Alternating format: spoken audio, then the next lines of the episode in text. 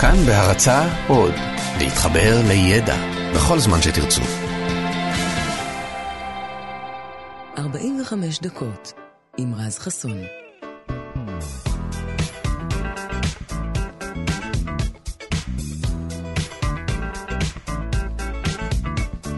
כאן תרבות, בוקר טוב לכם, 104.9, 105.3 FM, וגם באפליקציות שלנו, כאן וכאן אודי. בוקר טוב, שבוע טוב, המשך שבוע טוב. יום שני בשבוע, מהדורת יום שני בשבוע של 45 דקות. וגם בבוקר יש לנו המון מוזיקה טובה וגם כל מיני גילויים, סיפורים, ניואנסים, אנקדוטות מעניינות לספר לכם. אה, נתחיל מענייני קולנוע ועצים. אין בקולנוע סרט סיני מסורתי אותנטי אחד בלי פריים של עץ בונסאי, נכון? עץ בונסאי זה העץ הגמדי הזה שנראה תמיד כמו עציץ קטן של עץ, שמישהו, לרוב זה איזה מאסטר סיני כלשהו, מקצץ באדיקות תוך כדי שהוא ממלמל משפטי חוכמה סינים באיזה מקדש. אז פעם חשבתי שמדובר בזן מסוים של עצים, אבל האמת היא שהטריק בעץ הזה הוא לא הזן, אלא צורת הגידול שלו. כלומר שברמה המעשית, כל עץ יכול להפוך לעץ בונסאי אם מגדלים אותו נכון. זה המקום אולי גם לספר ששיטת הגידול הזו היא בכלל לא סינית. היא נולדה לפני אלפיים שנה ביפן, כסגנון אומנותי לכל דבר ועניין. השם המקורי שלה נקרא בכלל פנזאי, והוא בעצם נועד לחכות בקטן ובצורה מלאכותית את גדילת העצים שמאפיינים את הנופים היפנים הטבעיים. עצים שגדלים בתנאי שטח קשים מאוד, שמגבילים את ההתפתחות שלהם בטבע. השיטה עצמה מתבססת באופן ידני בעיקר על גיזום עקבי של השורשים ושל הענפים של העץ, ככה שלמרות שהעץ מתבגר לאורך השנים, הוא נשאר קטן מימדים. הפירוש של בונסאי, אגב, ביפנית הוא גננות על מגש, מושג שאני לא חושב שיש אה, צורך מיוחד להסביר אותו עכשיו. אה, בעולם קיימים עצי בונסאי עתיקים מאוד, בני כמה מאות שנים אפילו, 800 שנה לדעתי זה אחד העתיקים שבהם. חלקם אפילו מניבים פירות של ממש, גמדיים כאלה. אז בישראל עצי פונסאי אה, פחות שכיחים, אבל יש בהחלט כמה כאלה. בפארק מיני ישראל למשל, נשתלו בזמנו יותר מ-20 אלף עצי בונסאי כדי, אה, אתם יודעים, לדמות בסך הכל את הצמחייה, את העצים של ארץ ישראל במודל המיניאטורי הזה. אז הנה, פתחנו עם עצי בונסאי, אנחנו ממשיכים עם מוזיקה שערך לנו גדי לבנה גם הבוקר, ירדן מרציאנו על התוכן, לי קוראים רז חסון, אנחנו כאן עד שבע, כמו בכל יום, ופותחים שעון. 45 דקות יוצאות לדרך.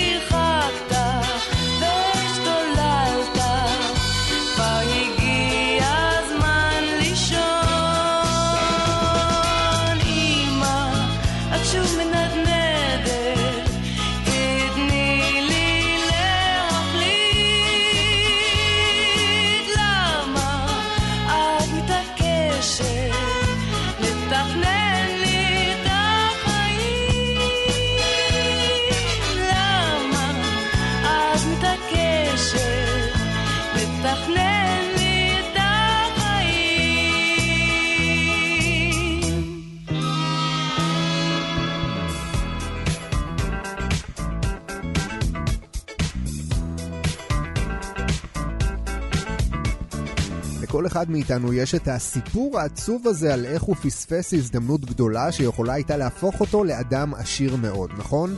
אז אני למשל פספסתי לפני משהו כמו עשר שנים הזדמנות היסטרית בשוק הנדל"ן.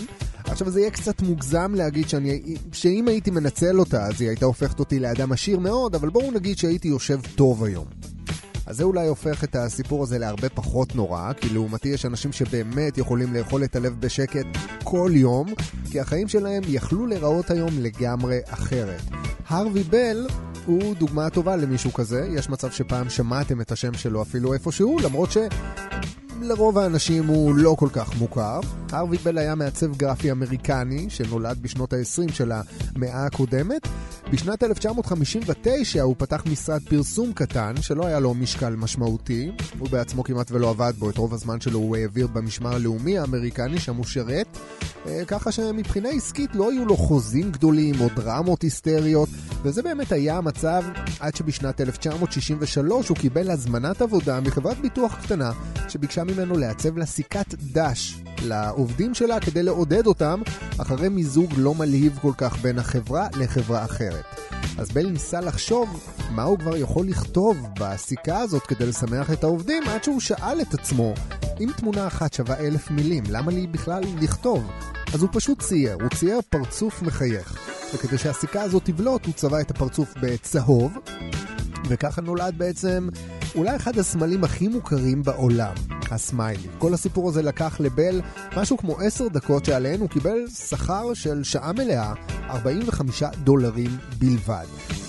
זמן קצר אחר כך, בל ראה את הפרצוף המחייך שהוא עצמו עיצב ביותר ויותר מקומות, על יותר ויותר אנשים, אחרי שחברת הביטוח ההיא הנפיקה את הסיכה גם ללקוחות שלה, וככה הסמיילי הלך והתפשט בכל ארצות הברית ואז בעולם.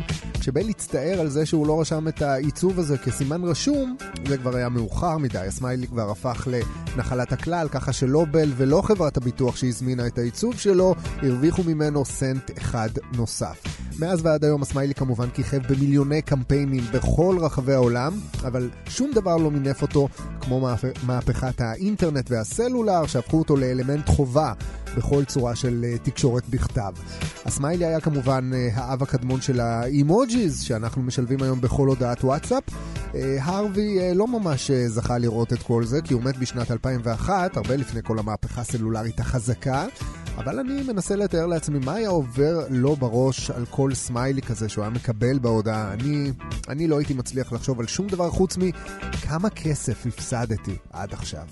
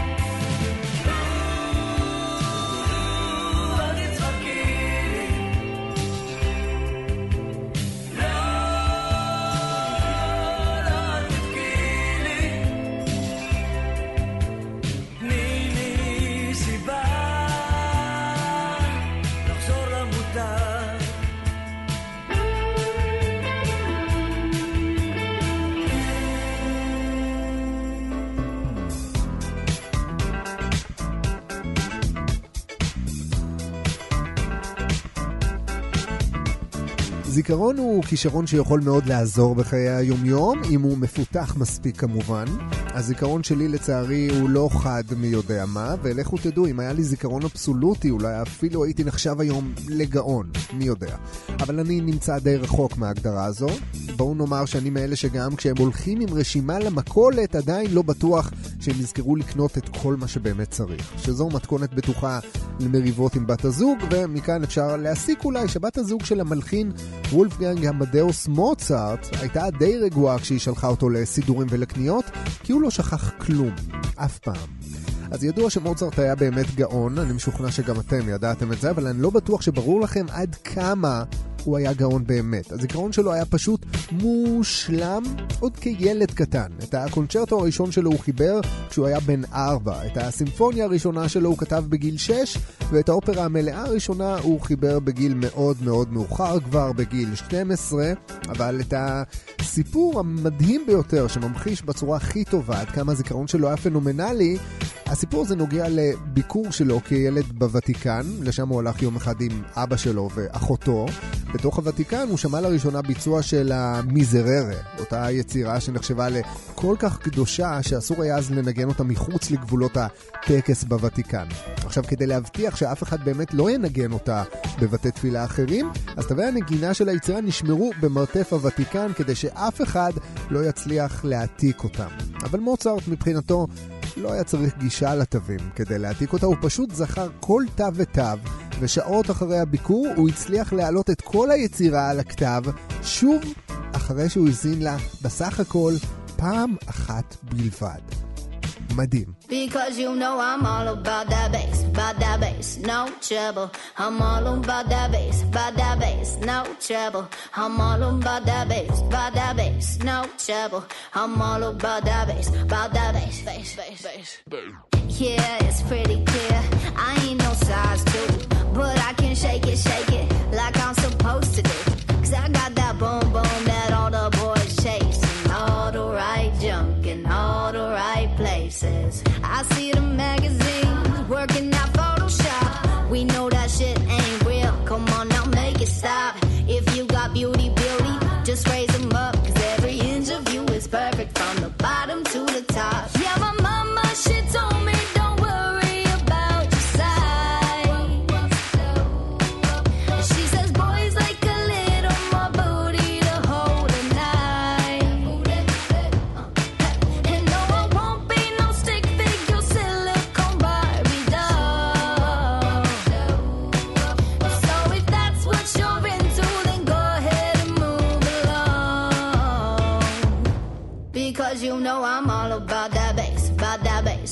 trouble. I'm all about that bass, about that bass, no trouble. I'm all about that bass, about that bass, no trouble.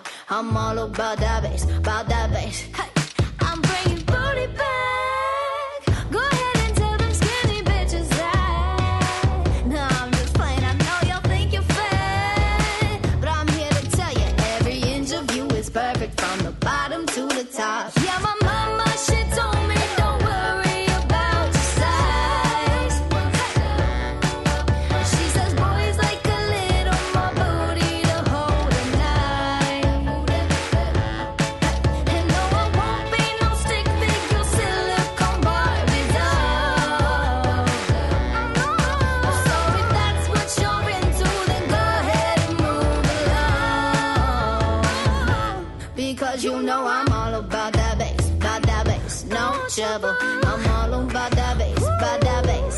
trouble. I'm all on by that bass, by that bass, no trouble.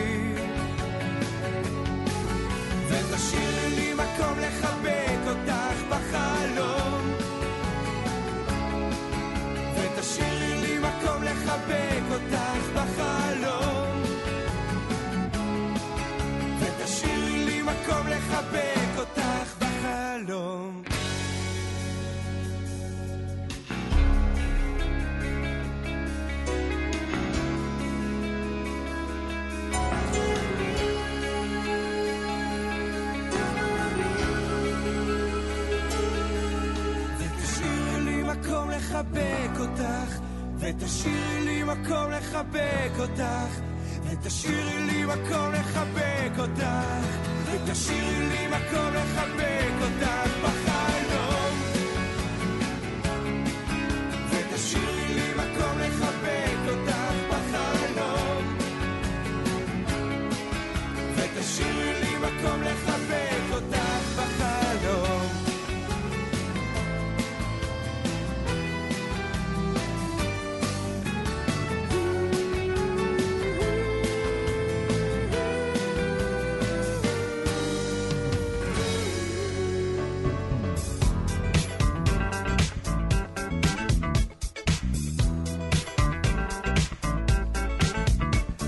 והנה אירוע שיגרום לכם אה, להרגיש אולי זקנים מהרגיל.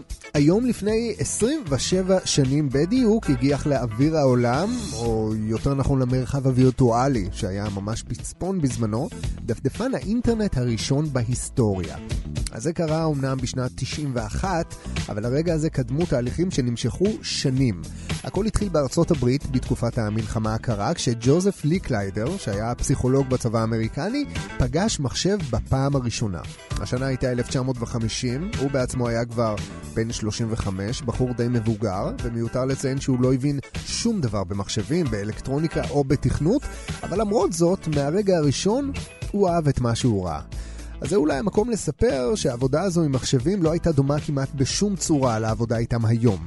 בימיו הראשונים המחשב היה כלי עבודה מסובך, מסורבל, שרק טכנאים ידעו להפעיל, וגם זה לא תמיד. במשך חצי מהזמן הם רק הזינו את הנתונים למחשב, ובחצי השני הם פשוט חיכו שהוא יסיים לעבד אותם. זה הכל. וזה לקח זמן. המון המון זמן. אז לי קליידר הבין שכולם מפספסים פה משהו, הוא ידע שהמכונות האלה יכולות להפוך למשהו הרבה יותר רציני, להוביל ממש פריצת דרך, אם רק ישתמשו בהן נכון, אבל הוא לא ידע כל כך מה לעשות. אז בינתיים עם השנים לי קליידר התקדם קצת בחיים, בשנת 62 הוא מונה לראש המשרד לטכנולוגיות עיבוד מידע בסוכנות מחקר חדשה בשם דארפה, במשרד ההגנה האמריקני, וכבר ביום הראשון שלו הוא התחיל בגיוס מומחים מכל האוניברסיטאות במדינה לצורך מטרה אחת, למצוא דרך לחבר בין רשתות מחשב מרחוק. משימה שנשמעת לנו מאוד פשוטה היום, אבל בתקופה ההיא, למרות שלכל אוניברסיטה כבר הייתה רשת מחשבים משלה, כל אוניברסיטה בחרה את המערכת שהתאימה לה, ולא היה תקן אחד מסוים. ולכן רשתות המחשבים של הארגונים השונים לא ידעו בכלל איך לתקשר אחת עם השנייה. עכשיו, נחזור לרגע למלחמה הקרה. בתקופה ההיא ארצות הברית לגמרי לקחה בחשבון מצב שבו ברית המועצות תתקוף אותה בנשק גרעיני. עכשיו, לקראת תרחיש שכזה, הצבא האמריקני נדרש לספק פתרון, כלומר, מערכת תקשורת שתשרוד גם הפצצה גרעינית. פול ברן, שהיה מהנדס צעיר בחברה שעבדה על הפתרון הזה, הבין שהדרך היחידה להבטיח תקשורת במצב כזה היא בעצם ליצור מצב שבו אין תחנה אחת שמשדרת ותחנה אחת שמקבלת. הרעיון שעלה לו בראש היה בעצם מודל חדש של תקשורת מחשבים, שהתבסס בעצם על הרבה מאוד חיבורים קטנים במקום על שני חיבורים גדולים. ככה שלאינפורמציה אין כתובת אחת בלבד בעצם, ושהדרך היחידה לעצור את המעבר שלה היא בעצם להשמיד את כל החיבורים הקטנים האלה. שזה אומר פחות או יותר להשמיד את כל ארצות הברית. אז אחרי כמה שנים של תכנונים, הניסוי הראשון בפרויקט הזה בוצע בשנת 69. הארגון שנבחר להוביל את הניסוי היה אוניברסיטת אה, UCLA שבלוס אנג'לס, כשהמטרה הייתה לחבר את רשת המחשבים של האוניברסיטה עם רשת המחשבים של אוניברסיטת סטנפורד, שנמצאת במרחק של 566 קילומטרים ממנה. אז הניסוי עצמו לא עבר לגמרי בהצלחה, כי החיבור בין הרשתות קרס לפני העברת המסר במלואו, אבל זה היה רגע סופר חשוב בהבנה שהתקשורת בין מחשבים, ובעצם בין בני אדם, עומדת לעבור מהפך. ריבוי המסופים ברשת הצריך כמובן מחשבים זולים יותר ושיטה פשוטה יותר לניתוב המידע ביניהם. עד אז הדרך לנתב מידע ממחשב A למחשב F התאפשרה רק עם תוכנות מאוד מאוד מסובכות, מה שהשאיר את כל הסיפור הזה מעבר להבנה של המשתמש הביתי הממוצע. מי ששינה את כל זה היה מתכנת בריטי בשם טי ברנרס לי, שבעצם תכנת סוג של מכשיר ניווט שמאפשר לכל אחד להגיע לאיזה עמוד שהוא רוצה, באיזה מסוף שהוא רוצה, מבלי להקליד יותר מדי נתונים, חוץ מכתובת אחת שמתחילה באותיות www, קיצור ל-World Wide Web. הדפדפן בעצם היה מבצע בעצמו את כל פעולות ההתקשרות עם המחשבים האחרים, ככה שבמקום שהגולש יצטרך להקליד עשרות פקודות, הוא היה צריך רק להקליק עם העכבר על מה שנקרא היפר קישור, שהיו מעבירים בעצם כלינקים את כל המידע ואת כל הרצונות ואת כל הפקודות שלו לאן שצריך בצורה מסודרת, ולנתב אותנו בצורה נוחה ב... נבחי האינטרנט, מה שהפך להיות אינטרנט בסופו של דבר, ומאז, מאז הכל היסטוריה כבר.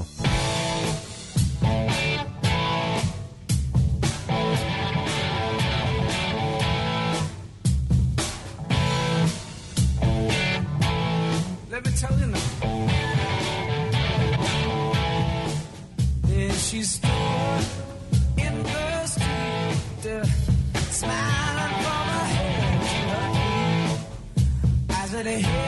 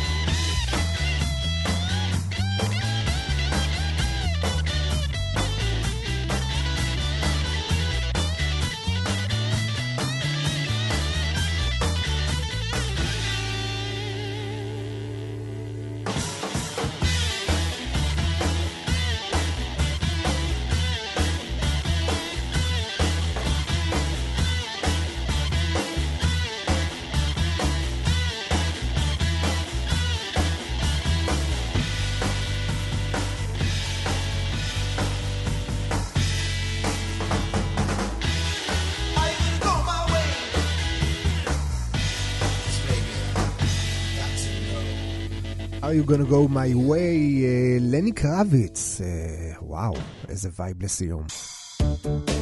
כמעט לסיום, נסיים עם אה, ערן אה, צור, תמונה אימפרסיוניסטית. ואיתה גם אה, ניפרד מכם עם התמונה הזאת. תודה רבה לגדי לבנה על המוזיקה, לירדן מרציאנו על התוכן, וגם לכם שהייתם איתנו. נשתמע מחר, ביי ביי. שהוקם